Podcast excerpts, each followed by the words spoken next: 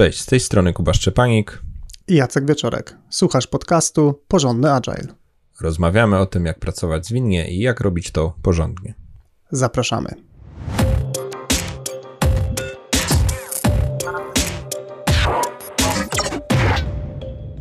Porozmawiamy dzisiaj o roadmapach, typowo w ujęciu zwinnym. Geneza tego odcinka jest taka, że bardzo łatwo jest y, trafić w internecie na artykuły o tym, jak robić roadmapy, natomiast y, mm, z naszej perspektywy dosyć rzadko są to faktycznie wskazówki, które pomagałyby tworzyć takie roadmapy w środowisku zwinnym. Dlatego zebraliśmy z Kubą nasze przemyślenia w tym obszarze i zamierzamy się tymi przemyśleniami dzisiaj z Tobą podzielić. W samym odcinku będziemy mniej mówić o definicji roadmapy, więc e, dosłownie super krótko w, e, teraz e, powiem, co mamy na myśli. Roadmapa jest to takie narzędzie, ono jest używane w produkcie, ale też jest szerzej korzystane to, wykorzystywane to pojęcie. Roadmapa to pewien plan działania w pewnej perspektywie czasowej. W kontekście produktów to jest najczęściej e, roadmapa kwartalna, roadmapa półroczna lub roczna, pokazująca pewną perspektywę, pewne plany rozwoju danego produktu. W perspektywie zwinnej roadmapy są e, swego rodzaju ogólniejszym ujęciem planu pracy, niż na przykład backlog produktu stosowany w Scrumie.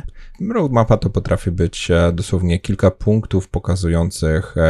gdzie zmierzamy z naszym produktem, jaki mamy konkretny, taktyczny plan na jego dalszy rozwój. E, więcej szczegółów na temat tego, jak e, konstruować, z czego się e, składa taka roadmapa, jaki może też być szablon. No, opisane jest to wszystko u Romana Piślera, do którego mocno odsyłam, ponieważ no, w zasadzie tam temat jest wyczerpany. Link do tego materiału będzie w opisie odcinka e, lub na stronie. Gdyby interesował Cię temat e, głębiej, to ja też mocno Romana Piślera polecam e, w postaci książki, książka Strategize, którą swoją drogą też mam swój egzemplarz, widać go u mnie na półce. Recenzowałem tą książkę jakiś czas temu na Agile 247 i tam też trochę materiału na temat roadmap jest. Natomiast w samym odcinku skupimy się na tym, żeby poopowiadać o tym, jakie czujemy wyzwania związane z roadmapami, jakie obserwujemy w firmach, z którymi współpracujemy lub w firmach, w których e, funkcjonowaliśmy jeszcze jako osoby pracujące w środku tych organizacji. Jakie pierwsze wyzwanie e, chcemy wymienić? Pierwszy problem, który dostrzegamy mm, z roadmapami jest taki, że one są bardzo często traktowane jako e, już pewne konkretne zobowiązanie, czyli E, scenariusz zwykle wygląda następująco, że osoba, która zarządza produktem, jest proszona najczęściej przez swoich e, zwierzchników o przygotowanie e, roadmapy, planu rozwoju produktu. Mm, zwykle osoba taka wraca do zespołu, konsultuje aspekty techniczne na zasadzie, kiedy pewne rzeczy mogą być zrealizowane, no i taki komplet informacji na zasadzie, co zrobimy i kiedy to mniej więcej będzie, E, no, idzie w górę organizacji. Mm, I niestety najczęściej te podane konkretne jakieś daty czy ramy czasowe, do kiedy pewne rzeczy będą gotowe, no stają się z obowiązaniem, czyli organizacja zaczyna rozliczać osobę odpowiadającą za produkt z tego, czy faktycznie te konkretne rzeczy, które na tej roadmapie się pojawiły, czy do tych konkretnych dat, które były deklarowane, zostały dostarczone. E, I zanim wejdę w możliwe rozwiązania, to ja tutaj do, dorzucę, czy dołożę akcentu na to, co Jacek powiedziałeś, że e, rozliczanie jest chyba najbardziej tutaj niepokojące w roadmapach, bo to, że roadmapa pokazuje pewne ambicje, pewne aspiracje, e, że jest taką jakąś formą planów, do których będziemy dążyć jako zespół, jako produkt, jako, jako też na jakimś product, product owner, to jest w porządku. E, natomiast e, zaczyna się dla mnie kłopot, jak się zaczyna też e, rozliczanie, czyli wytłumacz się, wyjaśnij, dlaczego ta roadmapa nie została zrealizowana, nie została zrealizowana w całości, albo tak co, co gorsza, co do joty. W takim środowisku, czy w takiej perspektywie rozliczania e, takiej roadmapy, no pierwszy pomysł, który nam przychodzi do głowy jako rozwiązanie, trochę takie obejście problemu, to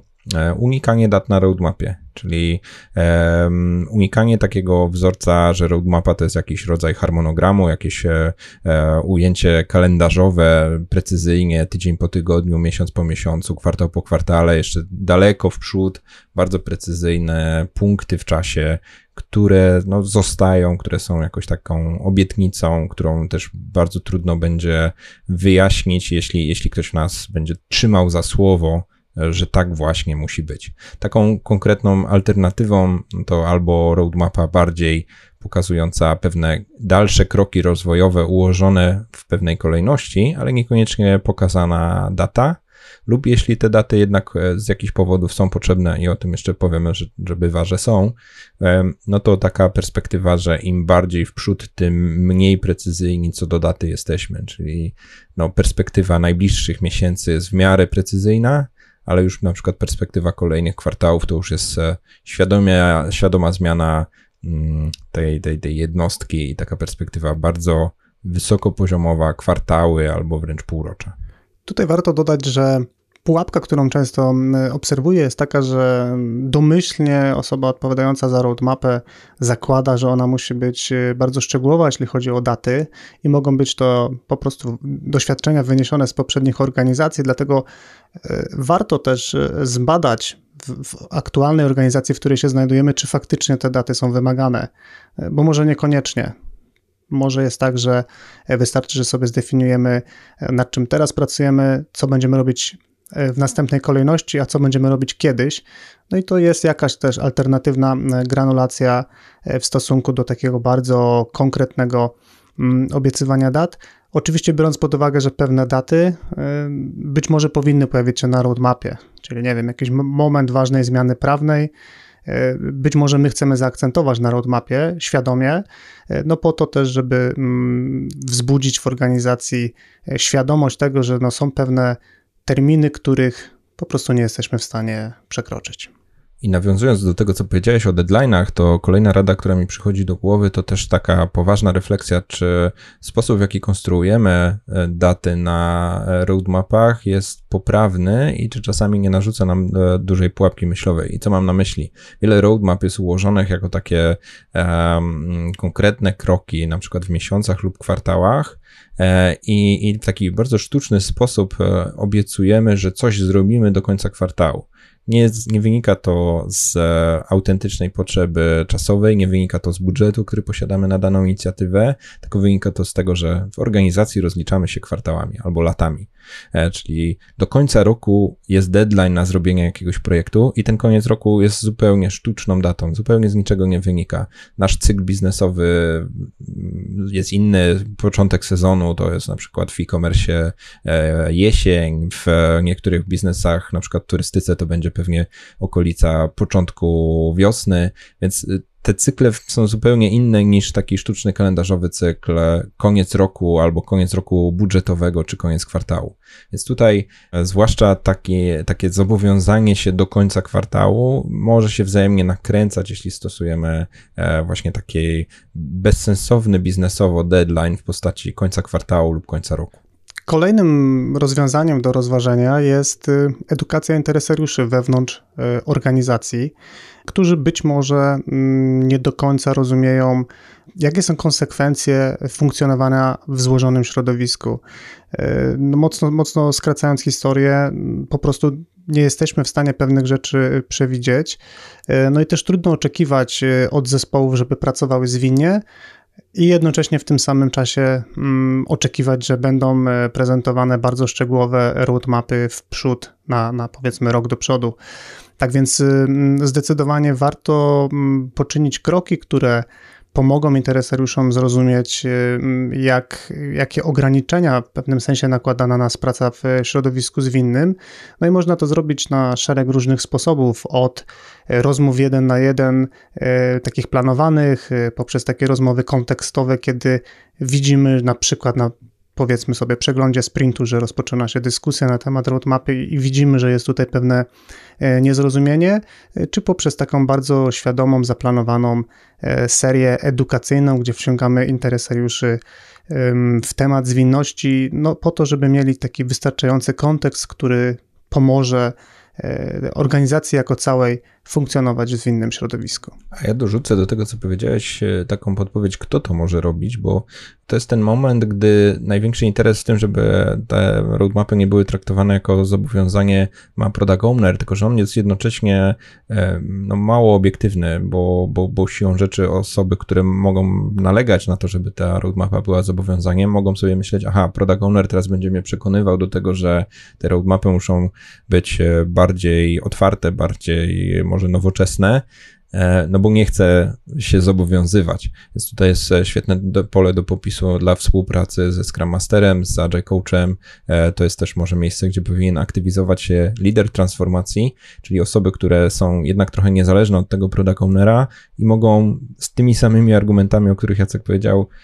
pójść i, i dalej mają rację, tylko już nie są może bezpośrednio osobiście zaangażowani w taką, w taką dyskusję. Jak mówię o wsparciu lidera transformacji, to ja myślę też, że bardzo dużą rolę i takim jakby ostatnim rozwiązaniem, które nam przychodzi do głowy, jest tutaj wsparcie od zarządu, wsparcie od najwyższych zarządzających w organizacji, bo coś, co obserwuję też zwłaszcza w tych największych organizacjach e, z taką powiedzmy wypiętrzoną strukturą, to to, że taka mm, fiksacja na bardzo konkretne plany i ich e, ścisłą realizację często pochodzi od e, średniego managementu. To jest oczywiście mm, uprawnione, to bardzo ułatwia koordynację pracy na takim powiedzmy pośrednim szczeblu w organizacji. No tylko niestety ja obserwuję, że tutaj można się zapędzić, czyli e, góra firmy ma ochotę na agile, e, dół sobie dzielnie działa w zespołach e, zwinnie, a, a pośredni szczebel zarządzania E, nie jest w żaden sposób hamowany przed tym, żeby egzekwować roadmapy jako, jako ścisły plan i e, plan, którego nie wolno nie wykonać. I, no i tutaj jest, jest miejsce też na to, żeby propagować od góry do szczebla zarządzania e, informacje na temat tego, że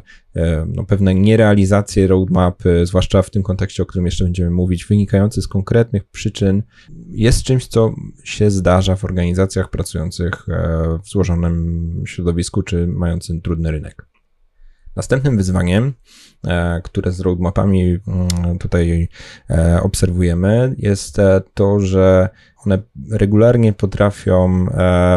mieć przekroczony planowany czas, czyli innymi słowy, zwykle potrzeba trochę więcej czasu na realizację założonego czy to celu, czy realizację pewnego określonego feature'a, niż ktoś pierwotnie zaplanował. Zwłaszcza jeśli rozpatrujemy to z perspektywy rezultatu, no to ten rezultat nie zawsze będzie osiągnięty w e, pierwotnie przewidywanym czasie i zaczyna się bardzo niepokojący efekt. Albo efekt domina, czyli e, poprzedni opóźniony projekt opóźnia wszystkie kolejne, albo poprzedni feature przesuwa realizację poprzednich, następnych feature'ów,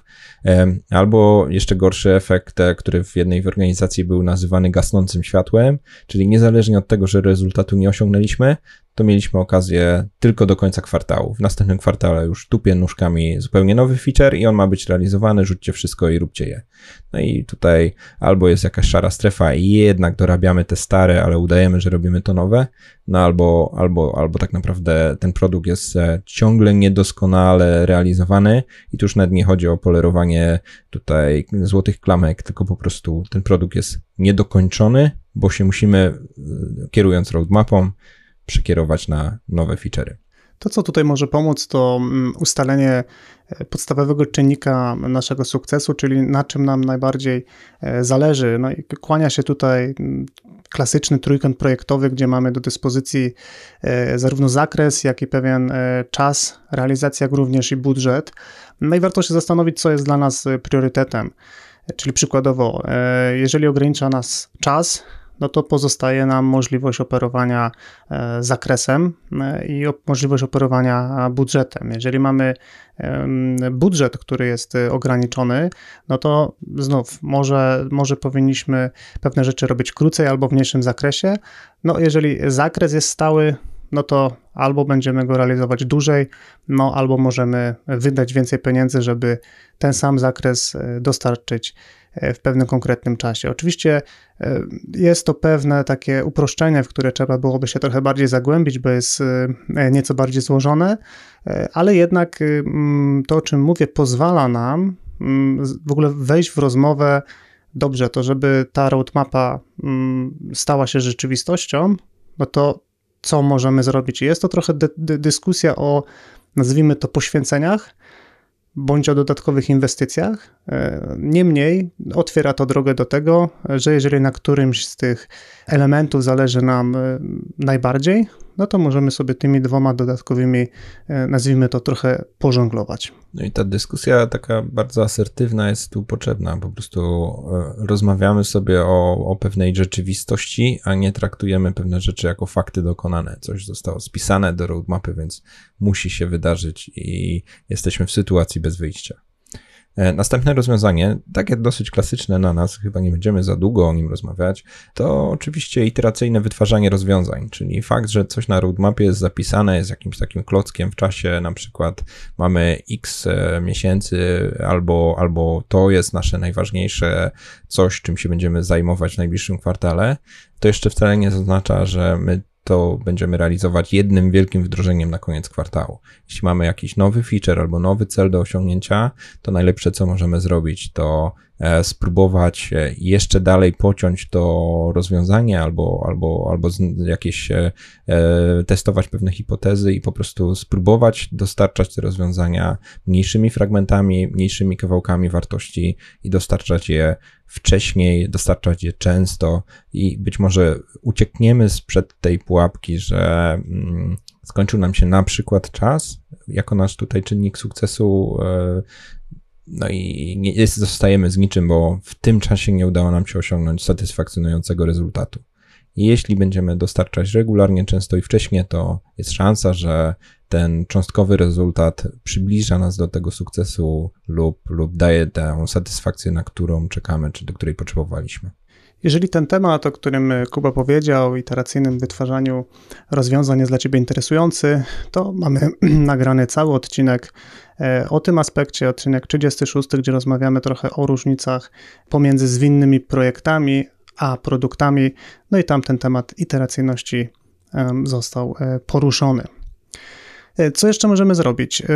To, co z mojej perspektywy jest takim bardzo empirycznym podejściem, e, to jest po prostu urealnienie możliwości zespołu bądź, bądź zespołów, jeżeli mówimy o większej skali. Czyli ja to rozumiem w ten sposób. Spójrzmy sobie historycznie, jakie są możliwości naszych zespołów, i pod te realne możliwości zacznijmy sobie planować, co jesteśmy w stanie zrealizować. Zwykle na bazie moich doświadczeń to się kończy tym, że powinniśmy sobie powiedzieć, po prostu powinniśmy zaplanować mniej, no bo roadmapa zwykle nie uwzględnia wszelkiego rodzaju wrzutek. Na zasadzie e, pojawiają się jakieś okazje, które warto wykorzystać, e, pojawiają się jakieś błędy, jakieś problemy, e, pojawia się, pojawiają się zmiany w otoczeniu projektowym, biznesowym. No i jakby roadmapa zwykle nie przewiduje buforów na takie rzeczy. Natomiast no, z różnych powodów musimy takie sytuacje mm, wyjątkowe obsługiwać. Tak więc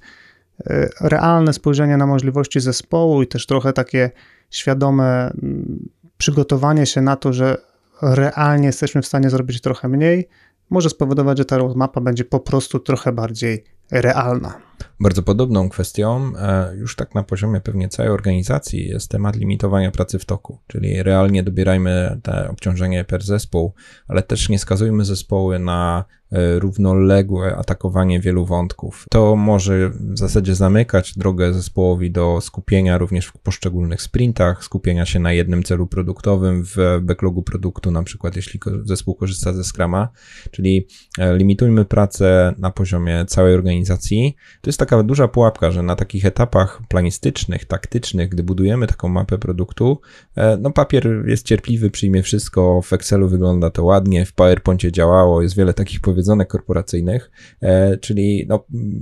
obietnica, że wykonamy coś w najbliższym roku w naszym produkcie, w zasadzie nie jest niczym limitowana. Tutaj e, od mądrości i zarządzających, i osób e, kierujących danym produktem zależy to, żebyśmy sobie jasno powiedzieli, jaki mamy limit, skupili się na tym, co jest naprawdę najważniejsze, i już na tym etapie dobierali te rzeczy i, i też od razu podejmowali pewne decyzje, co jest naprawdę najważniejsze, a co będzie czekać na lepsze czasy, a co w ogóle nawet w tej chwili nie jest e, realizowane. Wiele zespołów e, już w tym miejscu ma taką źródłową przyczynę dalszych problemów, na przykład z wielocelem w sprincie albo, albo właśnie z brak, brakiem takiej sensownej wizji, w którą stronę nasz produkt jest e, rozwijany. Kolejny problem, który możesz spotkać, e, kiedy używasz roadmap w środowisku zwinnym, mm, jest sytuacja, w której to, co jest zaplanowane e, w roadmapie, nie odnosi e, sukcesu. I tutaj powodów może być kilka. Po pierwsze, te zaplanowane zmiany w produkcie mogą po prostu być nieużywane przez naszych użytkowników na takiej zasadzie, że wydawało nam się, że to będą fajne dodatki do produktu, no ale nasi użytkownicy uważają inaczej.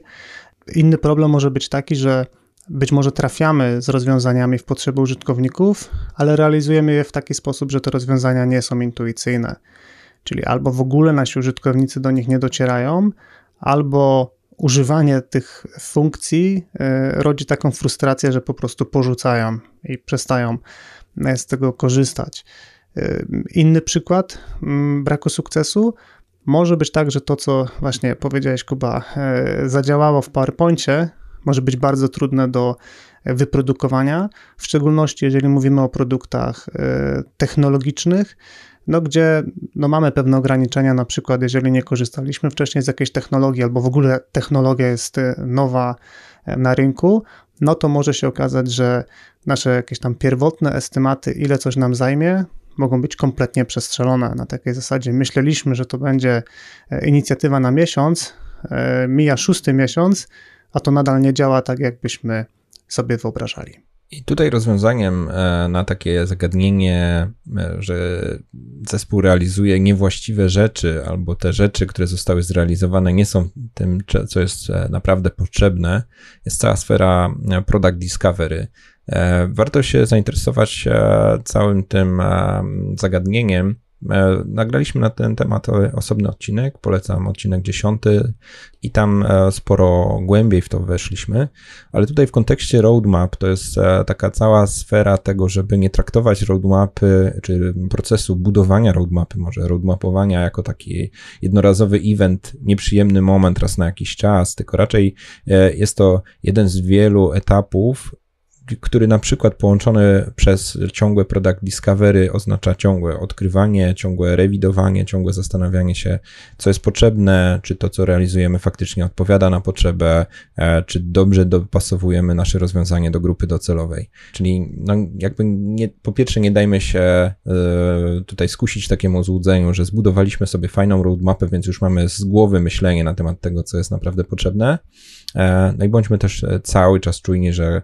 te podejmowane decyzje produktowe w trakcie roadmapowania powinny być też w trybie ciągłym rewidowane w czasie kolejnych kroków pracy takiego zespołu produktowego z wykorzystaniem na przykład konkretnych technik e, e, product discovery. I to, co Kuba mówi, można rozwinąć do takiej koncepcji, w której e, roadmapa mm, jest bardziej pewnym takim zbiorem pomysłów i kierunków, które chcemy zwalidować, niż na bardzo wczesnym etapie e, zadecydowanym planem, którego będziemy się trzymać. Celowo w tym odcinku będziemy skupiać się na rozmawianiu o roadmapach w środowisku zwinnym, no i uważam, że ten aspekt jest szczególnie istotny. E, bardzo często mm, pracuję z organizacjami, w których zespoły pracują zwinnie, mm, dostarczanie produktu odbywa się iteracyjnie, no i jakby do tej całej układanki nagle pojawia się e, pewna roadmapa, która jest e, decydowana w grudniu czy w styczniu i ona obowiązuje przez najbliższy rok. Czyli trochę to wygląda tak, jakby zespoły były już zaadaptowane do pracy zwinnej, natomiast no gdzieś jeszcze e, pokutuje to takie myślenie, że mamy kontrolę nad zmieniającą się rzeczywistością. Tak więc warto spojrzeć na roadmapę jako coś, co będziemy zmieniać, będziemy mm, adaptować pewnie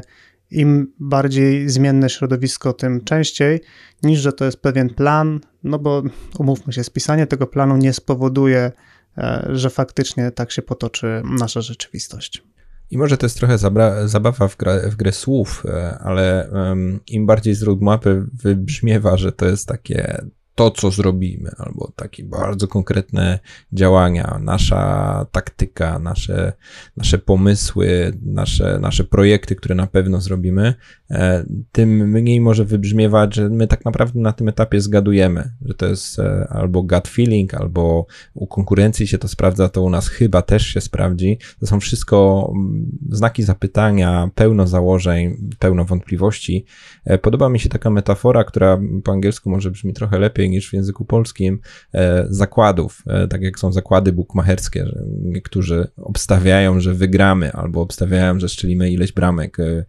mm, zdobędziemy jakiś puchar. To jest bardzo podobna sytuacja. Tak naprawdę na etapie roadmapowania e, opowiadamy o tym, jakie obstawimy zakłady i liczymy na to, że się wygra, że wygramy, że będzie tutaj trafne, trafne przewidywanie, e, ale tak naprawdę musimy sobie jasno powiedzieć, że to jest tylko nasze zgadywanie, że to właśnie pomoże. Zwłaszcza w kontekście całego biznesu, czyli że damy rezultaty, że uda się to w tym czasie i że tak w ogóle jeszcze konkurenci też e, grzecznie będą patrzeć na temat to, jak my realizujemy swoje nasze działania. Następnym rozwiązaniem w temacie wątpliwości tego, czy odniesiemy sukces naszą roadmapą, czy naszymi planami produktowymi, jest takie założenie bardzo, bardzo odważne, że zacznijmy od e, tych najbardziej ryzykownych aspektów e, naszego pomysłu na produkt. Czyli e, jeśli mamy w planach jakieś większe rozwijanie naszego produktu, i są w nim zmienne, które są bardziej prawdopodobne i mniej prawdopodobne, czy bardziej ryzykowne i mniej ryzykowne, to nie odkładajmy nie wiadomo na kiedy tych bardziej ryzykownych, tylko właśnie w roadmapie umieśćmy je na początku. E, też w konkretnej realizacji tej roadmapy również od początku, od pierwszych iteracji rozpocznijmy atakowanie tego najbardziej wątpliwego zagadnienia, czy najbardziej trudnego zagadnienia. E, no i dzięki temu albo wcześniej się dowiemy, że tego sukcesu nie będzie i przynajmniej minimalizujemy stratę, albo też najwcześniej atakujemy to zagadnienie, jak się najlepiej dopasować, żeby to nasze rozwiązanie było właściwe, było takie, którego potrzebuje rynek. To przykład tutaj do tego, co Kuba mówisz, to może być, jeżeli robimy jakieś rozwiązania technologiczne, no to być może częścią jakiejś zmiany w produkcie będzie integracja z jakimś partnerem, dostawcą przez jakieś API, no i to zwykle już powinno e, zapalać lampkę, że coś może pójść nie tak, no bo otwieramy tak naprawdę ścieżkę pewnej zależności zewnętrznych, stąd lepiej dowiedzieć się wcześniej, że to nie działa tak, jakbyśmy się spodziewali, niż zostawić to sobie na koniec na zasadzie została nam tylko integracja, e, no bo de facto może, może ona nie być taka prosta, jak myśleliśmy, a czasu możemy już nie mieć. Tak więc e, no, to spojrzenie od, od takiej perspektywa patrzenia przez ryzyko w pewnych sytuacjach e, może być sensowna. I właściwie tylko jednym zdaniem tutaj podsumowując jeszcze, no to de facto Wspomniane już wcześniej iteracyjne wytwarzanie produktu to też jest y, strategia czy pewien pomysł, który może być pomocny w wczesnym walidowaniu, czy nasze pomysły faktycznie e, mają sens i czy faktycznie e, dobrze zdiagnozowaliśmy potrzeby na rynku i, i też czy dostarczyliśmy sensowne rozwiązanie, które e, jakiś tam konkretny problem rozwiązuje. Kolejnym problemem związanym z budowaniem roadmap e, jest e, coś może trochę z innego poziomu abstrakcji. Fakt, że taki proces budowania roadmapy jest pracochłonny, czyli wymaga dużego nakładu e, wysiłku, czasu, być może całego zespołu, być może jakiejś podgrupy, być może też zaangażowania interesariuszy w to, żeby taką roadmapę zbudować. No a jeśli przemnożymy to, że zmienność biznesowa, zmienność otoczenia powoduje, że ta roadmapa jest też zmieniana, no to później aktualizacja tej roadmapy jest czasochłonna e, i też e, e, może się okazać, że poświęciliśmy dużo energii w generowanie pewnych punktów na roadmapie, które w najbliższym czasie jednak realizowane nie będą, czyli no, takie czyste marnotrawstwo planowania pewnych działań, które jednak realizowane w ogóle nie są. To, co warto głośno sobie powiedzieć i, i mm, zrozumieć, to jest to, że roadmapa po prostu nie jest backlogiem produktu. Często widzę pokusę, żeby roadmapa była taka samotłumacząca się, żeby była na dużym poziomie detalu. E, no tylko z mojej perspektywy od tego jest backlog produktu. Transparentny, dostępny, dobrze opisany, uporządkowany. Natomiast roadmapa to jest coś na wyższym poziomie, e, coś bardziej ogólnego, e, więc my, kiedy mówimy tutaj o, o, o pracochłonności, no to zdecydowanie trzymałbym się mm, pewnego poziomu wyższego niż backlog produktu i pewne koncepcje, pewne elementy, które mamy w backlogu produktu, po prostu agregowałbym na roadmapie w jakieś pojedyncze myśli, czy, czy sentencje, czy jakieś takie e, bloki, no tak, żeby po prostu to był wyraźnie e, nieco e, na innym poziomie granulacji artefakt. Druga rada, która też może poprawić ten temat e, potrzebnego nakładu czasu na wyceny zadań, czy na feature'y, czy na taką powiedzmy przepracowywaną koncepcję naszą produktową,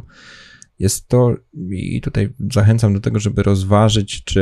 e, czy, czy nie warto zorientować roadmapy na cele, e, zamiast no, bardziej popularnego modelu roadmapy zorientowanej na funkcje, czy na feature'y, czy cechy produktu. Jeśli roadmapa zawiera właśnie cechy konkretne produktu, konkretne feature'y, które e, obiecujemy dostarczyć, e, być może jeszcze jak przemnożymy to przez to jednak oczekiwanie, że pewne konkretne daty na tej mapie będą się znajdowały, no to siłą rzeczy skazujemy się bardzo konkretnie już mocno na wycenianie, na analizę, na, na taką poważną refleksję, no bo za chwilę będziemy stać twarzą za tą mapą i, i rozmawiać na temat tego, dlaczego pewne rzeczy są, a inne nie są na niej zawarte i dlaczego wydaje nam się, że te zrobimy, a tamtych nie zrobimy. E, stąd e, roadmapa zorientowana na konkretne funkcje w moim odczuciu troszkę nas przesuwają w stronę też większego szczegółu, o którym przed chwilą Jacek mówił a roadmapa zorientowana na cele bardziej mówi w tych kierunkach rozwojowych, w tych konkretnych wskaźnikach biznesowych będziemy starali się uzyskać jakieś e, usprawnienia, ale już taktykę, konkretne rozwiązania, konkretny dobór zakresu zostawiamy jako ten element właśnie konkretnej realizacji i nie musimy tego deklarować na tym etapie właśnie, czy w tym procesie roadmapowania. Kolejną wskazówką, która może pomóc y, w skróceniu czasochłonności produkowania roadmapy jest y, wybranie prostego, elastycznego narzędzia, które pozwoli nam w łatwy sposób też tą roadmapą e, zarządzać. E, bardzo często dostaję pytanie, jakie jest najlepsze narzędzie do budowania roadmapy. E, no i konsekwentnie moja odpowiedź zaczyna się od tego, a z jakich narzędzi dzisiaj korzystacie. No bo jeżeli dużo rzeczy robicie e, w Excelu w chmurze i to wam działa, to zróbcie roadmapę w Excelu. E, jeśli macie, nie wiem, Confluenza na przykład i on już funkcjonuje, zróbcie w Confluencie. Jeżeli pracujecie na Google Docsie, użyjcie Google Docsa i tak dalej, czyli znów to pewnie jest y, y, dobra umiejętność marketingowa tych wszystkich firm, które robią te narzędzia, y, że tak patrząc na landing page nam się wydaje, że no jak już tylko narzędzie X zainstalujemy, no to proces budowania roadmapy będzie prosty, gładki i przyjemny, nie będzie. W sensie e, te narzędzia często mają pewien taki próg e, wejścia, który no, będziemy musieli zainwestować. E, automatycznie mamy vendor log, w takim sensie, że ta, być może tej roadmapy nie będziemy w stanie wyeksportować. Tak więc proste narzędzia, łatwość zmiany, a jeżeli, jeżeli pracujemy stacjonarnie, no to może po prostu tablica, która, która jest dostępna w jakimś takim centralnym punkcie firmy, wokół której łatwo będzie się spotkać i po prostu porozmawiać o tej roadmapie, a jak będzie trzeba coś zmienić, e, no to weźmiemy gąbkę, zmarzemy i markerem e, dorysujemy nowe, nowe elementy do tej roadmapy. I ostatnia porada związana z tą pracochłonnością budowania roadmapy to jest taka E, dyscyplina w tym, żeby ograniczyć sobie czasowo cały ten proces. Zwłaszcza jeśli, e, jeśli chcemy zatrzymać się na poziomie ogólności, zwłaszcza jeśli chcemy zachować też pewną gruboziarnistość, to możemy mieć taką nieodpartą pokusę, żeby jeszcze dla pewności chwilę dłużej porozmawiać, jeszcze bardziej to przeanalizować, jeszcze trochę bardziej zmurzyć się wokół tego wątku no zdecydowanie warto sobie po prostu na początku tego procesu powiedzieć, ile chcemy na to poświęcić czasu, ile do kiedy chcemy to mieć i zadowolić się takim, powiedzmy, rozwiązaniem good enough, e, czyli z perspektywy zespołu, z perspektywy product ownera, po prostu powiedzieć sobie jasno, ok, na pewno dałoby radę to dopieścić, ale powiedzieliśmy sobie, że do końca tygodnia to tworzymy. W ciągu ostatniego tygodnia tyle byliśmy w stanie stworzyć i po prostu z tym będziemy iść dalej. No i dokładnie to samo powinno, no, lustrzane odbicie tego podejścia powinno być też po stronie e, odbiorców takiej roadmapy, czyli pewna świadomość, że roadmapa to nie jest jakiś taki e, dokument czy, czy, czy produkt, który jest e, perfekcyjny, nies nieskończenie doskonały, tylko no, poświęciliśmy na to chwilę, ale nie możemy za bardzo skupiać się na takich procesach zastępczych, E, w czasie, gdy tworzyliśmy roadmapę, mogliśmy lepiej poznawać klienta, lepiej budować produkt, dostarczać kolejne feature'y, no i, no i warto tego nie zgubić e, z optyki, czyli też e, odbiorcy tego dokumentu powinni pamiętać, że no to też jest koszt. Budowanie tej roadmapy, zwłaszcza koszt alternatywny, jest dosyć prosty do pokazania. W tym czasie mogliśmy robić już jakieś te feature'y, zamiast robić jeszcze doskonalszą roadmapę. I ostatni aspekt, o którym chcieliśmy mm, e, Ci opowiedzieć, to jest e, taka pułapka, w której e, roadmapa może stać się takim zastępczym sposobem monitorowania postępów w rozwoju produktu, czyli oznacza to, że tak bardzo skupiamy się na realizacji, i tutaj to słowo jest ważne, roadmapy, że zapominamy, że tak naprawdę pod spodem najprawdopodobniej są jakieś wskaźniki biznesowe, e, dla których zdecydowaliśmy się podjąć jakieś konkretne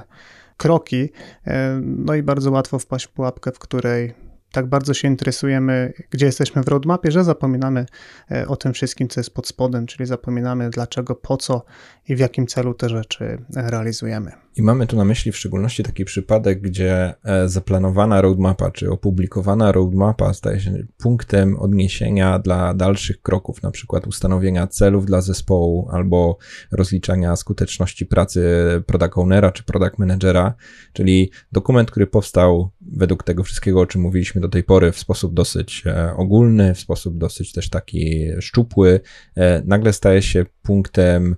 analizy i monitorowania tego, czy dobrze realizujemy pracę w naszym produkcie, czy nie. I jasno sobie tu powiedzmy, to jest zastępczy sposób monitorowania produktu, no bo tym właściwym produktem raczej powinno być zadanie pytania, gdzie jest nasz produkt, jak zadowoleni są nasi klienci. I to, czy robimy, czy nie robimy zaplanowane jakiś czas temu kroki, może nie mieć e, ścisłej korelacji z tym, czy ten produkt odnosi sukces, e, czy go nie odnosi.